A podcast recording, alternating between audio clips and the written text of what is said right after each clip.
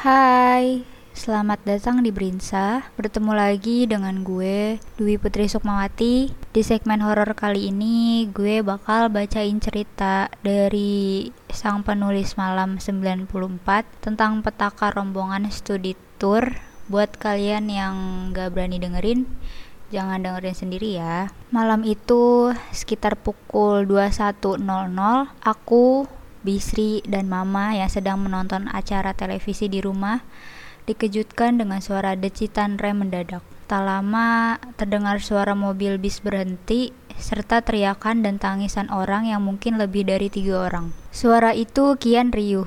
Setelah kami bertiga memasang telinga baik-baik, barangkali kami salah dengar. Loh, Bi, itu sepertinya ada suara yang nangis-nangis di depan ya? Tanya Mama kepada Bisri untuk memastikan. Kami dengar juga Is. Dikira cuma Bibi aja yang dengar. Jawab Bisri. Aku juga Bi dengar suara orang teriak dan minta tolong, kataku. Akhirnya kami bertiga memutuskan untuk perlahan mengintip dari balik jendela terlebih dahulu. Dan dari luar nampak ada sebuah bis berwarna merah dan di sekelilingnya ada banyak orang-orang yang sedang menangis.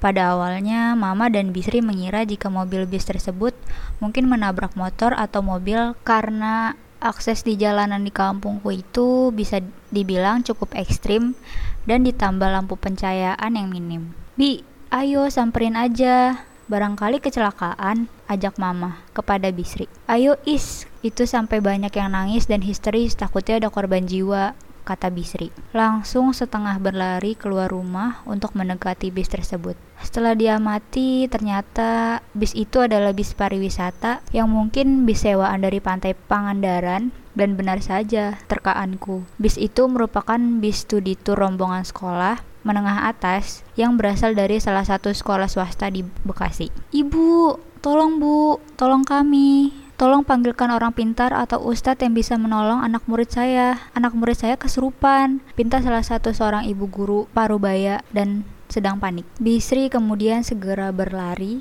ke rumah salah satu seorang ustadz yang pernah menyembuhkan almarhum ayah tiriku. Dan mama segera membuka pintu gerbang rumah, mempersilahkan para rombongan murid dan lain untuk masuk terlebih dahulu. Kala itu, aku berinisiatif untuk membuatkan teh hangat untuk mereka yang sedang bergetar ketakutan. Dan setelah mereka agak tenang, ibu guru pembimbing rombongan mereka angkat bicara mengenai kejadian mistis yang baru saja menimpanya. Tiga hari lalu, sekolah yang ada di salah satu kota Bekasi ini mengadakan studi tour ke pantai Pangandaran. Awalnya semua acara berjalan lancar, sampai pada hari terakhir rombongan, mereka menuju ke destinasi terakhir yaitu pantai Pangandaran itu sendiri. Setelah beberapa hari sebelumnya, mereka mengunjungi pantai-pantai di sekitarnya terlebih dahulu, yaitu Pantai Karangnini, Batu Hiu, serta Green Canyon. Si ibu guru pun terlihat menghela nafas dan kembali melanjutkan ceritanya ketika di hari ketiga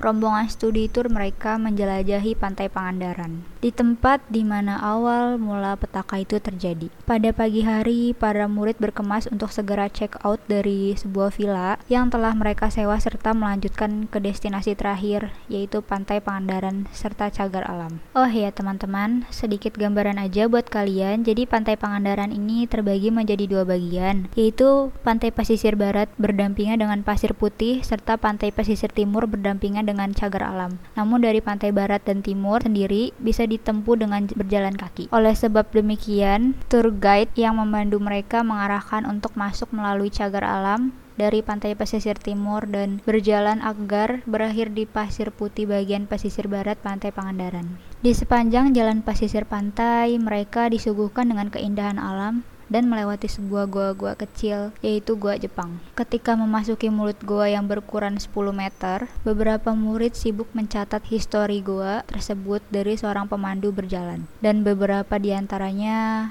mendokumentasikan dengan cara memfoto keadaan dalam gua Jepang tersebut. Namun, Si ibu guru pun mengakui jika ada tiga orang anak muridnya yang hiperaktif dan suka membuat kegaduhan di dalam gua Jepang. Tour guide mereka sempat memberitahu jika sepatutnya berperilaku sopan saat berada di dalam gua, karena di hari-hari tertentu para warga Jepang yang masih tinggal di daerah sekitar sering mengadakan acara ritual doa di gua yang bertujuan untuk menghormati menghormati para leluhur mereka dahulu. Bahkan Warga lokal ataupun turis sering mendengar suara langkah kaki baris berbaris prajurit walaupun pada siang hari. Selesai mencatat serta mendokumentasikan historis gua Jepang tersebut, rombongan studi tur beranjak menuju ke tempat petilasan Eyang Jaga Lautan, Gua Panggung. Sedikit info mengenai Eyang Jaga Lautan ini dipercaya sebagai anak angkat dari Nyi Roro Kidul yang diminta untuk menjaga pantai di Jawa Barat. Entah kapan ditemukannya gua petilasan Eyang Jaga Lautan ini. Namun, tetua di sana percaya jika gua tersebut merupakan tempat yang cukup sakral. Ketika rombongan mereka melihat-lihat keadaan gua panggung atau petilasan Eyang Jaga Lautan, tiga murid yang suka berbuat onar tadi sebut saja namanya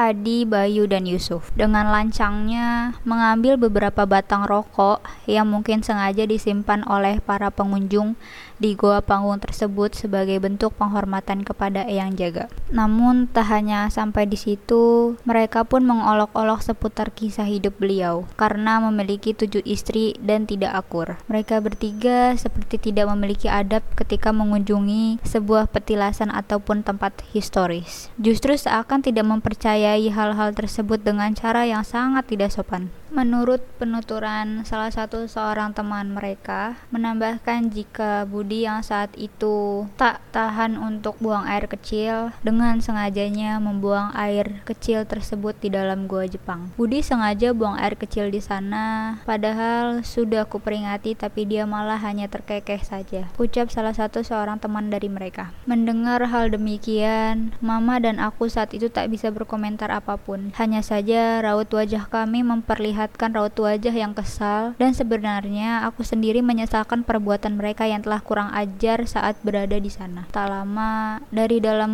bis beberapa murid yang kesurupan dan sengaja dikunci di sana terlihat kembali meronta-ronta dan menggebrak-gebrakan kaca bis dari dalam. Bu, tolong bu, dari mulai perjalanan pulang, tadi mereka meronta-ronta dan bahkan sampai menyakiti teman-teman yang lainnya kata Bu Guru. Bu Guru tersebut langsung kembali panik ketakutan. Beruntung di saat yang bersamaan, nampak Pak Ustadz dan Bisri yang sudah kembali datang. Pak Ustadz segera memasuki bis yang sengaja dikunci karena di dalamnya ada sekitar 10 anak yang kesurupan. Pak Ustadz dibantu oleh supir bus dan keneknya untuk memegangi tubuh anak pria yang meronta-ronta ketika dibacakan doa-doa, serta Bisri dan ibu guru ikut membantu memegangi tubuh anak perempuan yang kesurupan karena tangannya mencakar-cakar tubuh mereka sendiri. Kalian gak akan bisa mengeluarkan kami sebelum anak ini kembali meminta maaf, teriak salah satu dari mereka. Dia sudah kurang ajar, dia berani buang air kecil di tempatku. Anak ini akan kubawa ke alamku jika ia tidak segera meminta maaf. Ucap yang diketahui sudah dengan sengaja sengajanya buang air kecil di dalam gua tersebut. Yusuf kemudian menggeram dan menimpali. Dia pun sudah berlaku tidak sopan. Kembalikan barang milikku. Pak Ustadz menanyakan barang apa yang dimaksud, dan tangan Yusuf menunjuk ke sebuah tas hitam miliknya. Si ibu guru pun segera membongkar tas milik Yusuf dan di sana terdapat sebuah batu hitam legam yang berukuran kecil. Yusuf langsung kembali menggeram bak harimau dan berkata, "Kembalikan batu itu. Sekarang juga kembalikan atau kalian semua akan celaka," teriak Yusuf. Pak Ustadz itu pun menyarankan untuk lebih baik kembali ke tempat-tempat yang sudah disinggahi oleh mereka di malam itu. Karena jika tidak akan berakibat fatal bagi anak-anak yang lainnya. Dengan terpaksa mau tidak mau, Bisri, ibu guru, Pak Ustadz dan murid-murid yang kesurupan langsung berbalik kembali ke Pangandaran, menunggu di rumah, beserta para siswa dan siswi yang tidak mengalami kesurupan. Ada pertanyaan yang mengganjal dalam benak Mama, dan ia sempat tanyakan ke salah satu seorang siswa tentang kapan saat kesurupan massal di dalam bis itu berlangsung dan siswa tersebut menjawab, jadi setelah selesai acara studi tour dari pagi sampai sore hari, mereka menyempatkan untuk makan malam di rumah makan.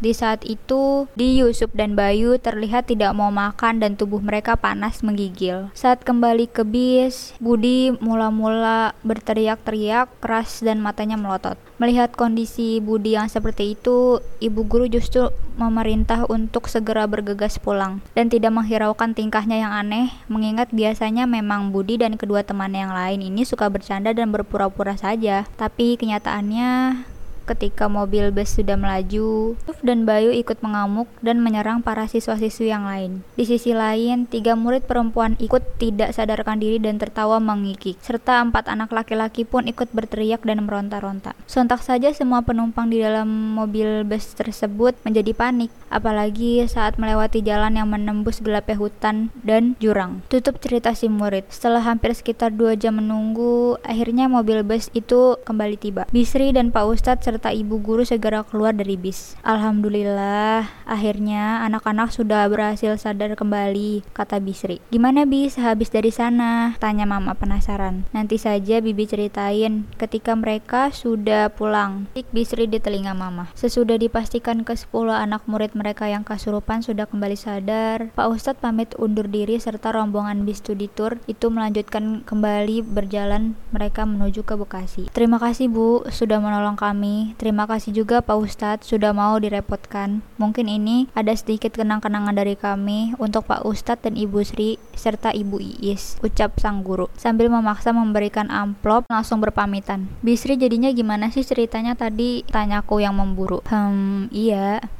Jadi tadi sepanjang perjalanan menuju Pangandaran, Bisri dan ibu guru serta naik bis sibuk menerjangi tubuh mereka satu persatu. Ada yang meraung-raung seperti harimau, ada yang menggunakan bahasa Jepang, serta ada pula yang menangis lalu mengikik seperti kuntilanak. Sesampainya di sana, kami disambut dengan wewangian menyengat, bunga melati, dan gemuruh angin seperti hanya berputar-putar di sekeliling kami. Bisri melanjutkan ceritanya ketika ia menyusuri tempat-tempat yang disinggahi para rombongan tur untuk mencari tahu di mana letak batu hitam legam yang diambil oleh Yusuf dan langkah mereka terhenti di depan mulut gua Cirengganis. Pak Ustadz kemudian memerintahkan untuk membuang batu hitam itu ke dalam gua karena ia melihat dengan mata batinnya jika batu itu memiliki kodam harimau penunggu gua. Pak Ustadz pun menanyakan tindakan Yusuf yang sembarangan mengambil batu itu. Bu, Tolong meminta maaf terlebih dahulu kepada penunggu di sini sebagai perwakilan dari Yusuf agar ia bisa cepat sadar, kata Pak Ustadz. Sambil merapalkan doa-doa, setelah itu mereka menuju ke gua Jepang dan gua panggung dengan niat yang sama, yaitu meminta maaf dan berjanji tidak akan mengulangi kesalahan lagi. Akhir cerita, mereka yang kesurupan bisa kembali sadar. Dan saat di dalam bis, salah seorang murid bercerita jika tadi mereka seperti dibawa ke sebuah kerajaan megah